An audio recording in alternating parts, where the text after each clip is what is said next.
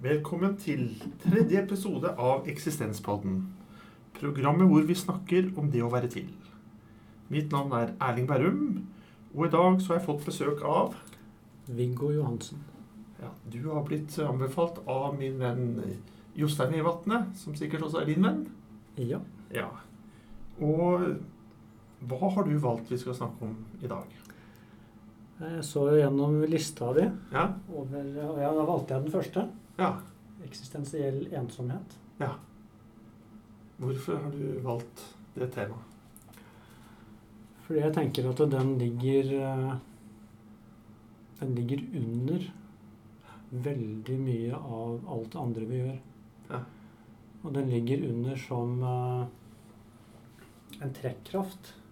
Og som en eh, føring som vi i jeg vil si ofte, og kanskje i verste fall, ikke er klar over. Nettopp fordi Det er derfor det kalles en eksistensial. For når du våkner opp til den ensomheten, så blir du klar over din eksistens. Du blir klar over deg selv. Og i det så dukker det jo selvfølgelig også opp masse spørsmål. Altså Du kan ikke da lenger bare gå på autopilot. Eh, Så det er jo en, en forutsetning for å egentlig bli et søkende menneske på, på ordentlig.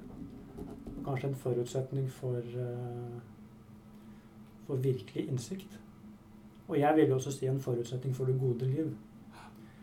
Men samtidig så er det ubehagelig. Så, det er, eh, så derfor så er den også veldig interessant å se, for det er veldig lett å gå og, og bli veldig opptatt. Altså egentlig gjøre, gjøre, gjøre, gjøre, gjøre. Så lenge jeg holder på med et prosjekt, så er jeg ikke klar over egentlig min posisjon i eksistensen. Så det er veldig lett fra egentlig Så fra vugge til grav å gå og bare være i gjøremodus. Og aldri bli klar over seg selv. Eventuelt før på dødsleiet, for da tror jeg det kommer uansett. Dette gjøremoduset, tror du mange av oss aktivt velger å, å være og leve i et gjøremodus? Jeg tror, det er, jeg tror alltid det er ubevisst. Jeg tror ikke det, det kan aldri være et, altså et bevisst valg. Eh, Men vi opplever jo at vi velger det. Så, så det er ikke, så det er ikke det vi, vi har jo absolutt forståelsen av at dette er noe jeg velger fordi dette er det jeg vil gjøre med livet mitt. Så sånn sett så er det bevisst. Men det er ikke bevisst i den forstand at jeg ser alt det som former valget mitt. Mange av valgene våre som også er av såkalt bevisste valg, hvis du begynner å se dypere på det, så er det som et dukketeater hvor du ser at det er jo noen som holder i disse trådene. Ikke at det er noen andre som gjør det, at det er Gud som gjør det, men det er ubevisste programmer. Du kan enten si i hjernen eller, eller i sinnet. Og, så vi får utrolig mye impulser fra det såkalt ubevisste som bare passerer uhindret og går rett ut i handling. Så, så på den måten det, vil det være ubevisst. Du sa innledningsvis også at denne eksistensielle ensomheten legger noen føringer. Har du noen eksempler på hvilke føringer det kan være? Ja, i høyeste grad. Altså, jeg vil jo si at uh, Så tror jeg jo Altså, hvis ethvert menneske begynner å granske sitt eget liv, så, og da granske det på ordentlig altså, Som det kanskje i gamle dager vil si å granske det filosofisk, som ikke betød at man skulle ta et akademisk fag, at han skal begynne å se på sine beveggrunner. Så vi vil jo se at det er veldig mye vi gjør for å kanskje unngå et stille øyeblikk. Altså jeg bare må sitte med meg selv, og hvor ikke det er noen mulighet for å flykte. Altså ikke flykte inn i et gjøremål, ikke flykte inn i en samtale, og i disse dager ikke flykte inn i en skjerm. Og hvor mange sånne øyeblikk har vi for tiden? Hvor det faktisk ikke er tid. For da det første som møter deg, kanskje, er jo en uro, og derfor så er det så lett å falle ut av det igjen. Men faktisk sitte til hele du faller til ro. For da er det noen andre typer tanker som dukker opp. Andre typer refleksjoner, andre typer lengsler.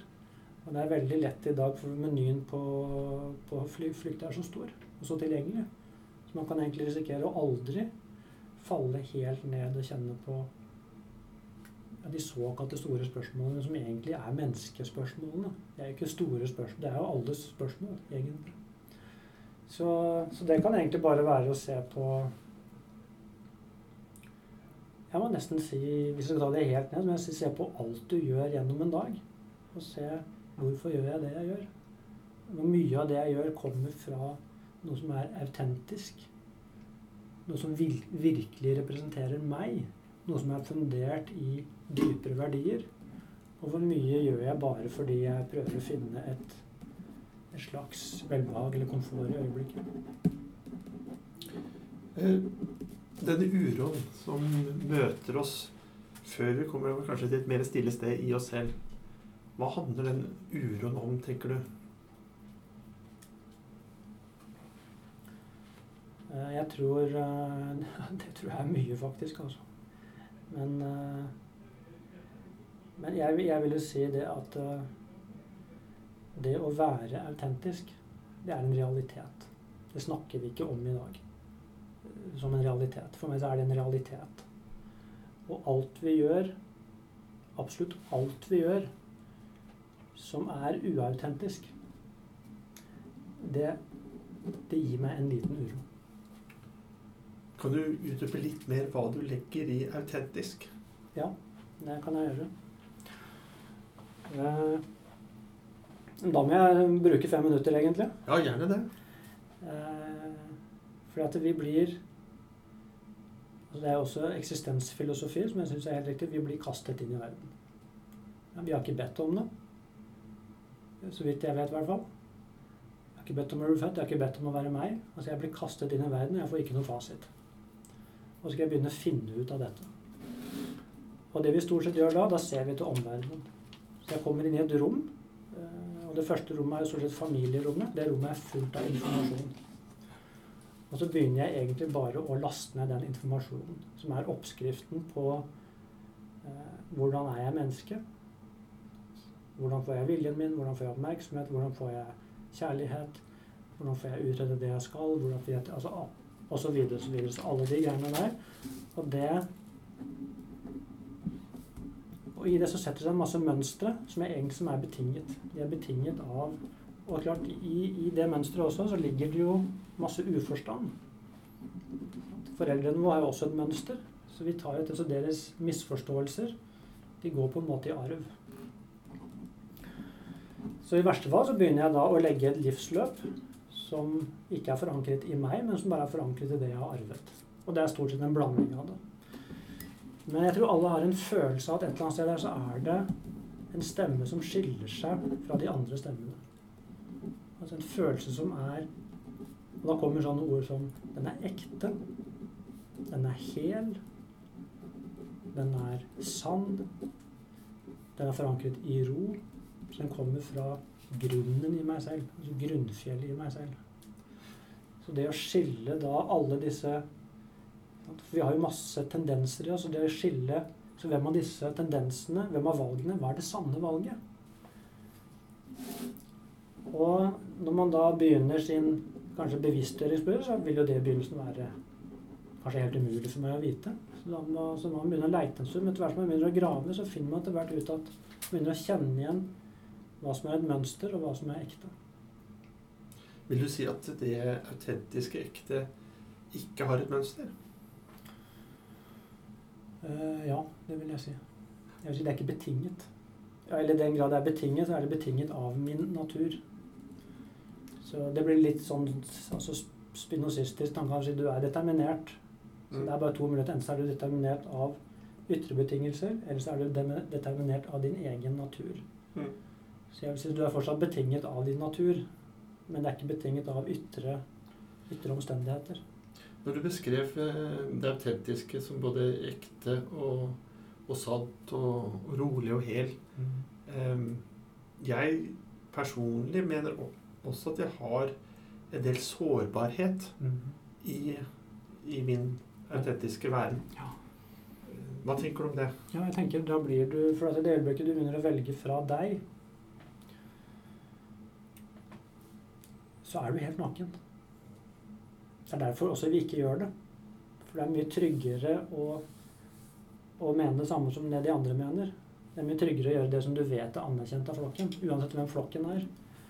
Hvis det øyeblikk du bare er deg, så har du ikke å si Nei, du skjønner, dette har jeg fra ja, Som jeg selv sa? Dette, er fra, dette er fra Spinoza, dette er fra Heidegger, dette er fra buddhismen, dette er fra Så ergo Ergo må det være sant. Så vi gjemmer oss jo ofte bak størrelser som har en viss tyngde. Men å si Nei, dette er bare sånn jeg kjenner det. Dette er bare sånn jeg må leve. Ellers så kjenner jeg at jeg blir to. Er ikke jeg, da blir jeg fragmentert. Så det er ikke noe Det er bare meg og min stemme av hva jeg kjenner er sant. Og, og da vil jo ofte andre mene noe, for da har du ikke støtte i flokken. Så det Så du skal tåle litt. For det, jeg sitter, satt og tenkte på nå, var det er liksom Du må ha noen forutsetninger for å kunne på en måte bli ditt autentiske òg. Ja, helt klart. Eh, helt klart. Fordi det du nevner, da, når du sier de karakteristikkene av det autentiske Mhm. Jeg opplever jo som det mange målsetninger da, som mange oppgir ved det å være til. da. Det å finne en sånn opplevelse av både helhet og ro og, og balanse og, eh, og ekthet og, og føle seg sånn. Mm. Da syns jeg det, det er liksom, liksom paradoksalt, nesten. At det er så få som da lever for å erverve den Er ikke det rart? Jo. Jo, det er veldig rart. Har du hatt noen tanker om Ja, jeg har tenkt mye det? på, ja, jeg har jo tenkt mye på det. Ja. Så jeg må si det er jo det jeg driver med, egentlig. Ja. Eh, Og også selvfølgelig sett alle disse kreftene i meg selv. Så det er eh, Jeg tror en av de grunnleggende problemene er at man får ikke noe Det er ikke noe speiling å få på den type prosjekt i samfunnet i dag. Det er som om ikke det fins. Det er som om ikke Det at det er noe ubetinget, ubetinget i mennesket, det er jo ikke en kollektiv forståelse. Det er i hvert fall ikke noe man lærer på skolen. Du skal være heldig hvis du får det hjemmefra. Uh, og en ting er at du kanskje får høre, men at du faktisk blir speilet på det. Da ville, tror jeg mye ville vært gjort. Så vi blir ikke speilet på vår natur.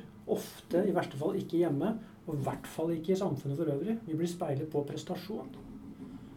Vi blir målt på prestasjon, vi blir speilet på prestasjon, og det er et massivt trykk på det å gjøre og utrette. Ingenting på å være. Ingenting på bare det å være meg, at det er et faktum. Og at det er et viktig faktum. Så det tror jeg er grunnleggende. Hadde vi fått inn det tidligere, tror jeg det ville vi hatt det mye mer på plass. For vi er følsomme for det, opplever jeg. Hvilke, hvilke drivkrefter tror du ligger bak eh, et samfunn som da ikke gir mulighet for en speiling av egen væring, men som er så prestasjonsrettet, som du sier? da? Jeg vil si hvis du går inn i Jeg tror egentlig at samfunnet og individet er, det er bare mikrokosmos og makrokosmos. Hvis du går inn i ett menneske og ser det, og da kan jeg bare gå i mitt eget liv, så vil jeg si at det grunnleggende sett så er det frykt. Så vi har et, eh, vi har et biologisk system som er veldig sterkt i oss, og som er gira på overlevelse. Så det er altså Selvbeskyttelse ligger veldig langt oppe i bevisstheten for oss fortsatt, og jeg vil si som art. Så det er, og Hvis ikke jeg får speiling på egentlig noe mer, så blir ofte all bevissthetskapasiteten min blir fusjonerer med overlevelsessystemet. Så det blir ikke noe, er ikke noe overskuddskapasitet igjen til noe annet. Så det er, og Hvis du da tar overlevelsessystemet, og der det egentlig opererer mest i dag, så er det ikke lenger på fysisk overlevelse, men det er akkurat som du har gått inn i psyken. Så nå er det blitt mer psykologisk overlevelse. Sånn at vi har mer enn nok med å Altså du kommer i et rom, og det er mennesker der. Så er det veldig naturlig for oss at vi begynner å sammenligne, f.eks. Så begynner å se hvor står jeg i denne gruppen. Hva har jeg å komme med? Hva tenker de andre om meg? Er jeg bra nok? Er jeg pen nok? Er jeg sterk nok? For menn er jeg mann nok? For damer er jeg kvinne nok? Og så videre. Og i verste fall så tar det all kapasiteten min. Og det er klart, da er det bare én ting som er viktig. Det er å komme på plussiden. Og hvordan gjør jeg det? Jo, jeg må ha noe å skilte med. Så, så kan jeg si, så Da begynner jeg egentlig å si så jeg skal komme og fortelle hvem er jeg? Og så begynner jeg å fortelle om masse ytre ting. Jeg begynner å fortelle om hva slags utdannelse jeg har. hva jeg jobber med, eventuelt hvor jeg har reist, hva jeg har fått til. sånn og sånn. Hva sier jeg det? Jeg sier jo ingenting om meg. Jeg kommer bare med masse ytre størrelser og tror at jeg skal få verdi gjennom disse tingene. Og Hvis jeg da får speiling på det, så får jeg jo følelsen av at åh, ja, der, der ble de imponert. Ah, og da slapper jeg litt. Åh, nå er jeg på plussiden. Men jeg har ikke noe selvverdi. Det er det vi ofte, I hvert fall så tror vi det at du får selvverdi igjen. Du gjør ikke det. Selvverdi for meg er å gi verdi til selvet. Og selvet er faktisk formløst. Så kan jeg sitte med meg selv og være. Og virkelig ikke vite, men å erkjenne at det å være faktisk er. Og på den måten avdekke grunnfjellet i meg selv. Det tilhører ikke det biologiske systemet, det tilhører det indre systemet. Det har stort sett tilhørt visdomstradisjonene våre. At alle, alle menneskets kulturer har hatt visdomstradisjoner som egentlig har vært de som har bevart den delen. Som da handler om det ofte det, Kall det det åndelige, eller hva det er. Men det er så har dette blitt systemer. Liksom, dette er virkelig. Mm. Ja, for jeg sitter og tenker på, eh, i lys av det du sier, og at vi kanskje har fått et samfunn hvor vi har blitt litt mer åndsfattige. Eller sjelsfattige. Ja, jeg vil si det. Eh, jeg tenker også da på hvis, hvis vår væreform er så liksom, mye mer sånn biologisk determinert og mer sånn overlevelsesmodus, mm. så ligger det nesten i i det i seg selv et, et jag. Ja, det gjør, eh, det, gjør det. det. ligger et driv. Har, har, du tenkt noe på det at vi i dag har et samfunn hvor vi, eh, vi eh, jobber altfor mye i forhold til hva vi trenger for å leve? Ja. Og hvor vi også får problemer som følge av det? ja, det, det, det er På en måte så er det jobben min. Ja. Og egentlig være en motvekt til det. Så jeg ser jo Altså jeg ser, jo, jeg ser jo det hele tiden. Og jeg har eh, altså En av tingene jeg jobber med, er å ha folk i samtale. Og det som er fantastisk med det, er at i et sånt rom, som er trygt, så er det også muligheter for da de som kommer, å ta av seg alle maskene. Og begynne å snakke om det faktiske. Det som man er redd for å ta fram i en større sammenheng, for da begynner folk å mene noe om det. Så ta fram det og begynne å se på det, og da er det de tingene som alltid kommer fram. Altså at vi, vi lider under det alle sammen. Vi er ikke skapt sånn. Så har du erfaring med tidligere liv hvor du hadde mye mer jag og, og driv? Og har du personlig vært gjennom noen form for endring, endringsprosess? Ja, jeg, jeg vil virkelig si det. det var, for meg så skjedde det altså veldig tidlig. Jeg fikk eksistensen midt i trynet egentlig når jeg var 18. Mm. Eh, og da egentlig også ble fullstendig klar over da, det vi snakket om, altså min eksistensielle ensomhet. Og i det også så ligger det jo eh, en undring og egentlig også en angst over døden. Du blir, du blir klar over også da din dødelighet.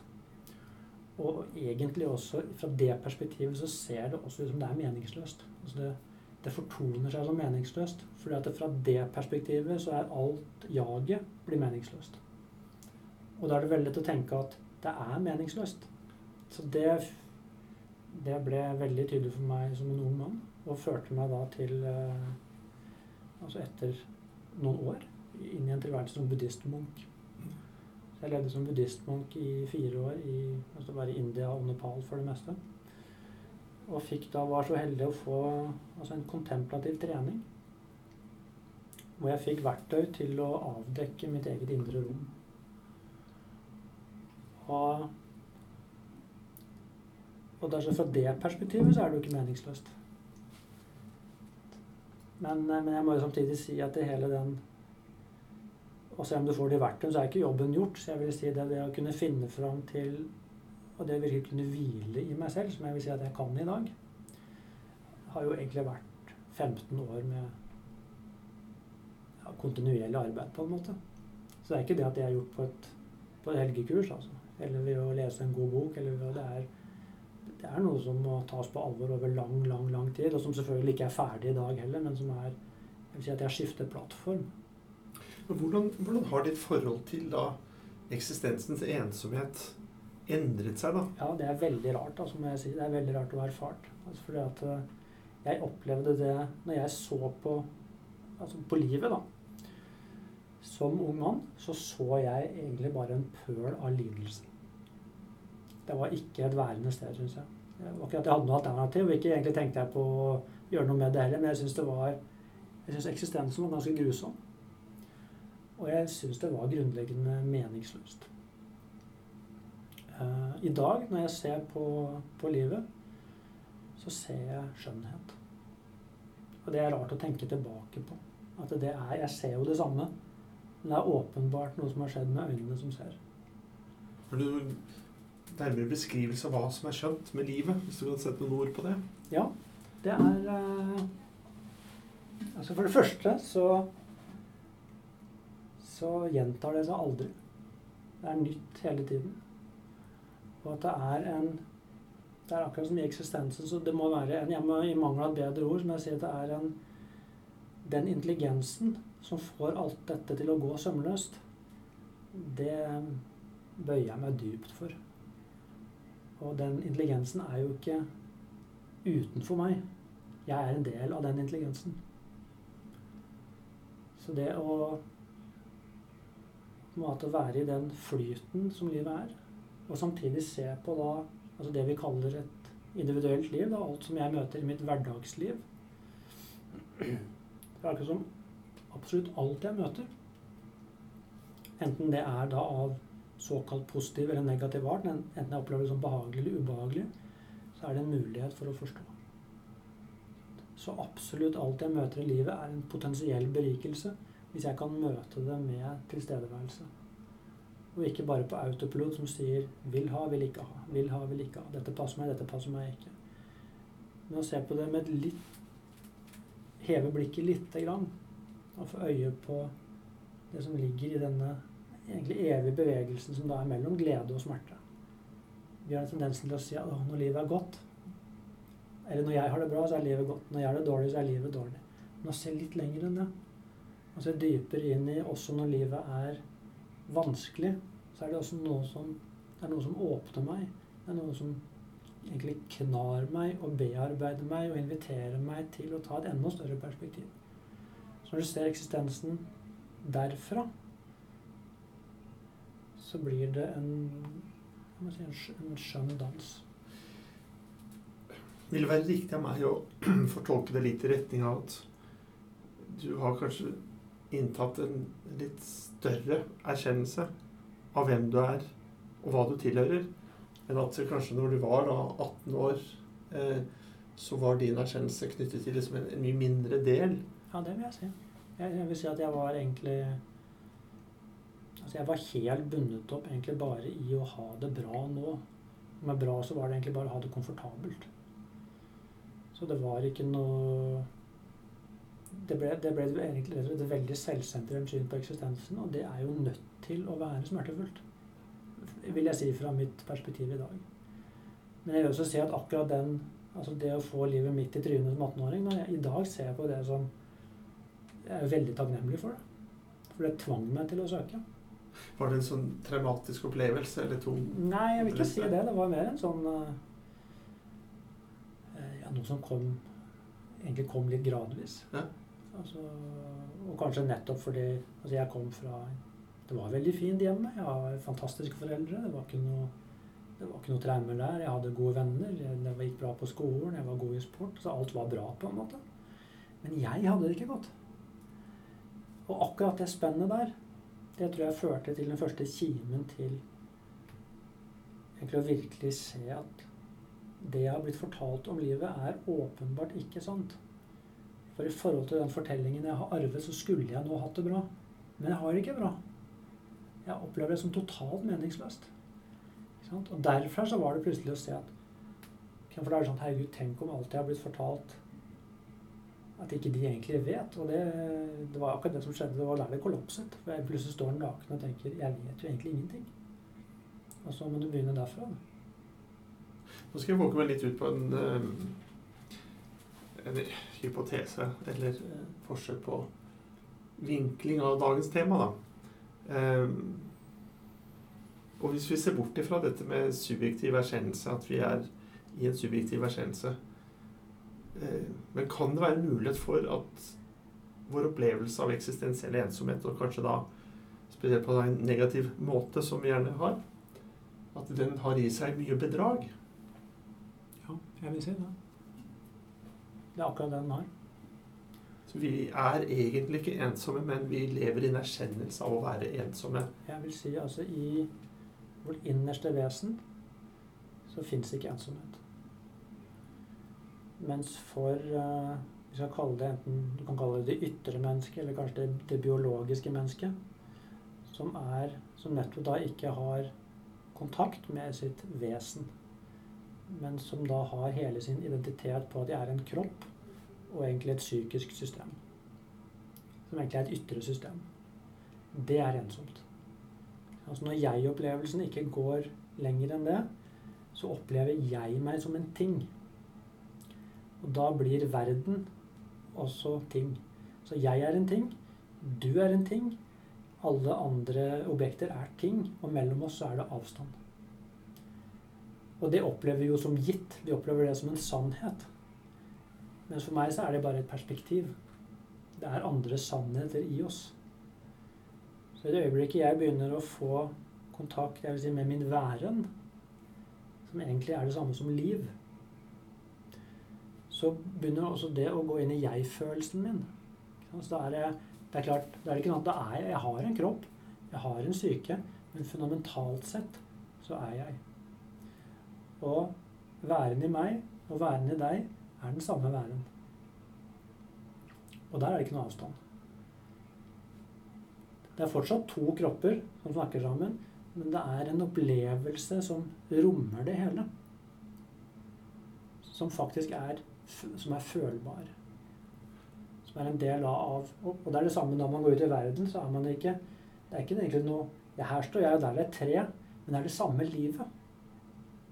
Når du kjenner det livet, så har du ikke følelsen at du har Det blir ikke da som Camus ikke sant, som holder opp denne stenen. Hva er denne stenen for meg? Ja, som er det Det er en tragedie. At, og det er jo blitt, det er blitt så romantisert. at For meg det er et forkvakla syn på eksistensen. Altså, det er ikke Det er ikke et menneske, egentlig. Altså, Mennesket er klar over sin samhørighet med øvrig eksistens. Ja, jeg har jo tenkt litt på en av grunnene til at de fascineres over fjellene. Mm. Er det langsomme eksistens. Mm. Og alder, som vi på en måte bøyer oss litt liksom, i respekt av. Mm. Eh, vi nærmer oss eh, slutten. Eh, jeg vil tro mange av de som lytter på, kanskje kjenner seg litt igjen i, i mye av det du sier. Så hvis du avslutningsvis kunne kanskje si noen ord litt om eh, hva man kan gjøre for å bevege seg mer mot eh, en større væren i seg selv, da. Mer autentisk væren. Har du noen liksom, tanker om hva man kan gjøre?